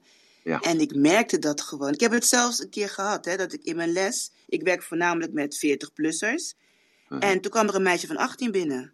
En die, die, die voegde zich zo in de groep. En ik heb het zo zitten aankijken en denk ik van... Ja, Ja. je krijgt terug, weet je, wat er Ja, in jou ja, leeft. Ik denk van nou, zoals zij praat, hè, haar enthousiasme, maar ook haar taal, denk van ja, zo voel ik me nu eigenlijk ook. Dus het is nog een hele wereld voor mij die ik eh, ga verkennen. Ja. Maar ik herken dat natuurlijk door zelf mijn eigen beslissing te nemen om 20 jaar jonger te zijn. Dus door die beslissing, hè, dus dat is dat energetische iets. Hè, dus dat epigenetica, je neemt die beslissing. En dan ontstaan er allerlei eh, ja, bijproducten eigenlijk. Die, die je nooit hebt kunnen weten dat je dat zou kunnen krijgen. En dan eh, natuurlijk was natuurlijk dan ook eh, dat de geboorte van mijn dochter natuurlijk eh 13 maanden geleden. Was daar natuurlijk dan ook iets bij. En als ik er nu zie de bewegingen die ik allemaal moet maken om, om haar bij te blijven. En om haar te kunnen eh, wegrennen en het bukken en het strekken en het duwen en het optillen en weet ik veel wat allemaal. Dan denk ik bij mezelf, ja god, het is gewoon eh, vier uur in de sportschool elke dag als ik met haar bezig ben. Dus dat, eh, dat zorgt er ook weer voor dat ik eh, flexibel blijf. En daardoor ook dat lichamelijke flexibel. En dat zorgt er ook weer voor dat ik in mijn hoofd dan ook weer die dingen heb van dat, ik, dat ik er makkelijk bij kan. Want ik heb ook momenten gehad de afgelopen jaar dat ik dacht bij mezelf van... hé, hey, ik heb eh, moeite mee om dat te herinneren. Ik ben dat vergeten. Hoe komt dat nou? Dan dacht ik weer aan, die, eh, aan mijn moeder met die knup in de zakdoek. En dan een tweede zakdoek erbij te halen met de knup. Om dan te weer herinneren dat je nog een zakdoek had met een knup. En dat je dan op die manier kon, weer kon herinneren wat het eigenlijk was. Maar, ehm, en toen dacht ik bij mezelf, toen ben ik met mezelf te raden gegaan. En toen ben ik eh, eh, ja, in mezelf gedoken. En toen eh, ben ik tot de conclusie gekomen van, eh, ja, dat het gewoon een tekort aan beweging was en het verkeerde voedsel genomen. En ja, en dat heb ik veranderd. En daardoor is dat geheugen weer helemaal top, top gaan worden. Ja, zo, zo, zo eh, werkt het dus eigenlijk. Hè? je hebt het zelf in de hand. Hè? Ja, maar Absoluut, dat- absoluut. Daar kan ik gewoon niet meer omheen. Dat is duidelijk. Ja. Ik kan nog een Ja. vraagje. Welke eenheid voor meting heb je gebruikt om de dikte van het haar te meten? Eh, dat is de. Dan moet ik even kijken. Wacht eventjes. Ik zal hem even erbij pakken. Want het is dus de. Ik zeg dan, dat is dan één, weet je wel. Maar dat, Ja. dat één, dat eh, betekent natuurlijk dan even iets. Dus ik zal hem even erbij pakken. Want ik heb dat gisteren wel gekeken. Maar ik ben het voor de rest heb ik het even vergeten. Het is. ehm, eh, de dikte is eh 001 na 001 millimeter. Dus dat is een honderdste millimeter. Dus jouw haar is een honderdste millimeter dik. Zo zeg, interessant hoor. Ja. Een honderdste millimeter, oké. Ja, dus geen tiende, Uh, maar bloot ook niet waarneembaar. Jawel, ja, ja als, je het, eh, als je het zo ziet, dan... eh, eh, ik stond ook van te kijken hoor. Ik heb, eh, ik heb drie keer opgemeten bij haar. Want ik dacht bij mezelf, ja, dat is wel heel erg, heel erg eh, dun. En eh, ja, dus ook heel kwetsbaar. Heel kwetsbaar. En dan, eh, we hadden er één bij, die was eh 1. punt, nee, niet 1,2, was had 12. Had 12. Dat was een man. En zo zag je ook dat de dikte van het haar blijft. Want bijvoorbeeld bij Klaas, hè, dus die heeft grijs haar. Die man is eh, 72, 73, eh, nee, is 71. En zijn haardikte was 8. Dus het, eh, wat veel mensen geloven is dat het, eh, als je haar grijs wordt, dat het dunner wordt, is niet per definitie zo. Zijn haar was altijd zo dik. Mijn haar is eh 9. Dus ik heb ook behoorlijk dik haar. Maar dat, dat kun je ook wel zien aan die kop van me. Hè? Nou, Nou, goh, goh. het was een mooi event. Emiel, Jitka die eh, heeft nog niks eh, kunnen zeggen. Laten we die nog even aan het woord. En dan eh, mag jij wat mij betreft inderdaad afronden. Maar we mogen Ja. ook nog even een onderwerp bepalen voor morgen. Ja. Maar wellicht kunnen we dat spontaan houden. Zodat je de andere luisteraars ook even de ruimte nog geeft om eh, spontaan nog vragen te stellen. Nee, nee, natuurlijk, natuurlijk. Jitska. Nou, goedemorgen allemaal. ik rij nu pas naar huis. ik was eerste binnen, laatste naar huis. Zit in de auto en eh, ik hou dat dan kort, want het is natuurlijk al eh, laat weer voor deze ronde. Eh, ik ben echt dankbaar dat ik mocht dit meemaken. Ik heb bouwmomenten gehad. Een van die bouwmomenten was het lopen over de, het hete kolen. Dat heb ik helemaal niet verwacht, dat het ook zo een onderdeel zijn. Dus het was dus mooi meegenomen aan als kerst op de taart voor mij dan ook. Extraatje. En eh, ik, ik moet wel zeggen, ja, ik eh, weet niet hoe dat komt. En die zegt altijd, het is niet goed, het is niet slecht. Maar toch eh, laat mij het denken, eh, ik voel het gewoon niet. ja, of, ik, ja, of ik er zo hard al ben. of, en, of het- doordat komt de begeleiding, dat ik echt goed naar jou heb geluisterd. Ik weet het niet, maar jongens, het is echt, is, ik eh, dacht, nou, wanneer komt dat? Ik, eh, ik voelde dat gewoon niet. Ik ben overheen gevlogen of zo. Geen idee. Dus wel, wel te doen en aan te raden. En, dan, thuis, thuis, als jullie vanavond barbecuen samen met je man en met je kinderen, dan als je Kan dan zeg je, nou kom op even met die kolen, huppakee, strooien. Ja, ja, ja. Ja, en dan Nou, jij, jij lacht, jij lacht, maar ik heb het op Instagram op mijn verhaal en ik heb al eh, van mijn vriendin een grappige filmpje, weet je, over dit soort eh eh, doen. en eh, en er zijn ook al een paar mensen die, die willen, oh dat is Body Logic, wat is dat? En ik heb al klanten. Wij weten in ieder geval dat jij, eh, dat jij BB hebt, hè? de Bread and Breakfast hebt eh, 44 in Zandvoort. Dus als je Ja. ooit eh, in Zandvoort bent, luisteraars, dan, en je wilt een hotelletje hebben of een B&B'tje hebben, dan, eh, dan bel je gewoon met eh, 44 in Zandvoort. En dan eh, ja, moet je natuurlijk wel even opzoeken wat de telefoonnummer is van 44. Maar dan eh, 44 en dan eh, slaap je daar. Ik, ik weet al dat, eh, dat je heel veel kaartjes hebt rondgedeeld gisteren aan mensen die ooit een keer in Zandvoort komen. Dus eh, nou, behalve ik. Ik heb geen kaartje van je gekregen. Is dat een teken dat je mij niet wil hebben? Of is dat een teken dat, eh, dat ik dat Oh, eerst moet vragen aan jou? Hè? Sorry, sorry, sorry. Ik heb, eh, ik heb navigatie en flitsmeister en alles. En dan kreeg ik een, een, een- mijn camera voor het huis. Kreeg ik een heleboel. dus ik heb het niet gehoord. Eh, Nou, het is goed, Iskai.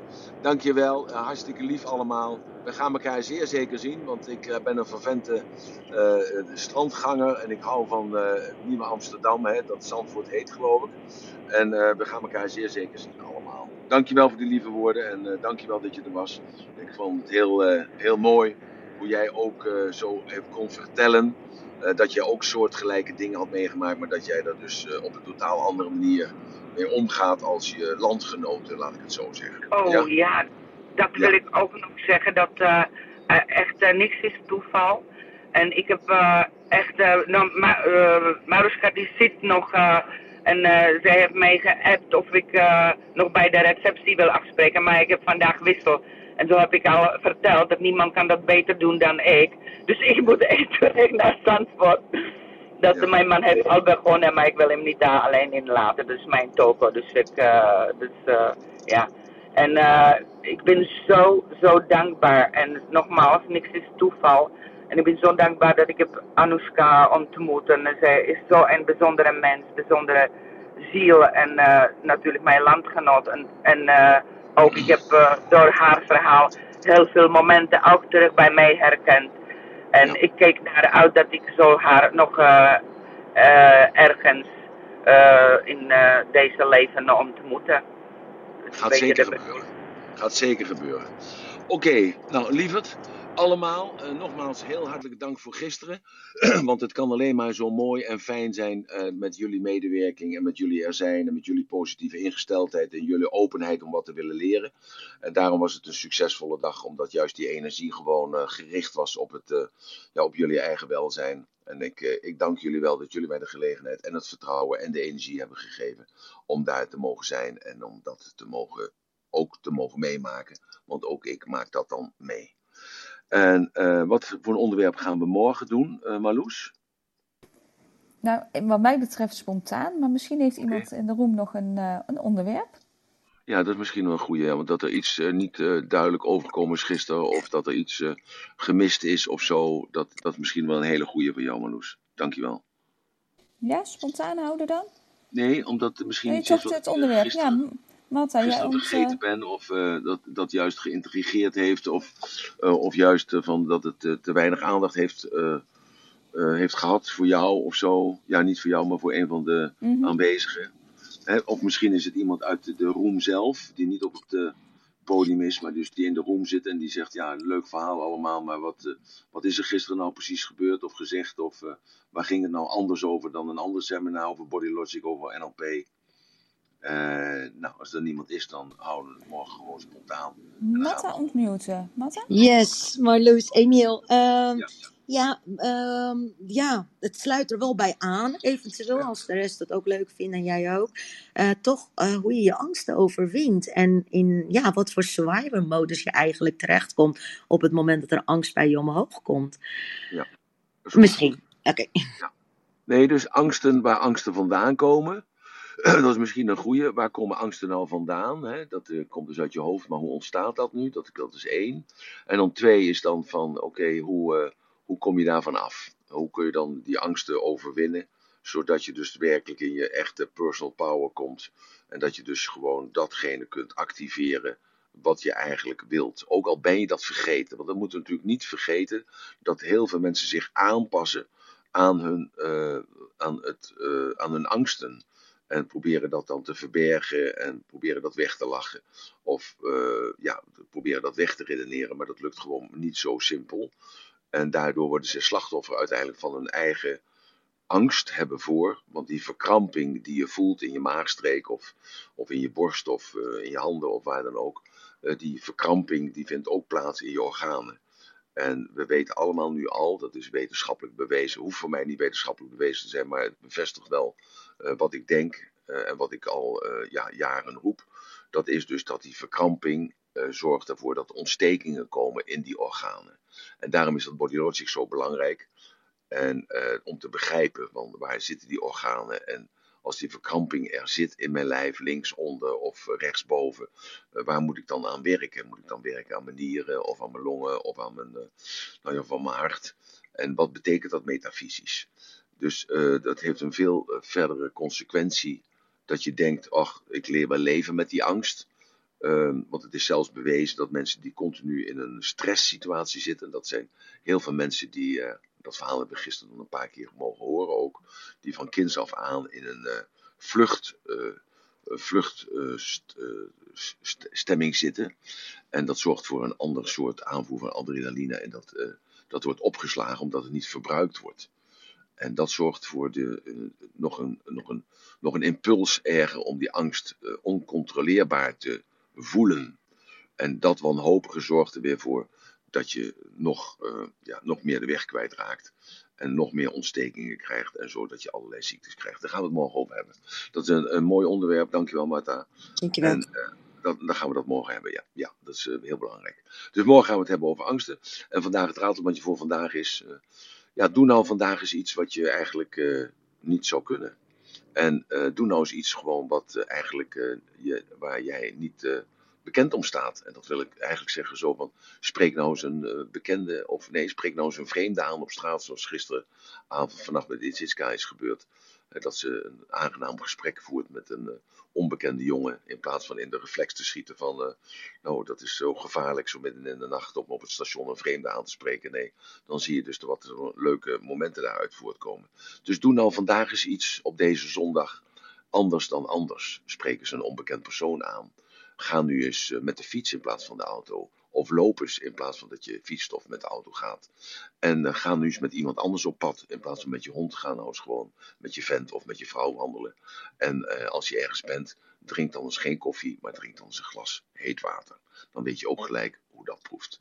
Ik wens jullie een hele mooie zondag. Met alle mensen waar jij van houdt.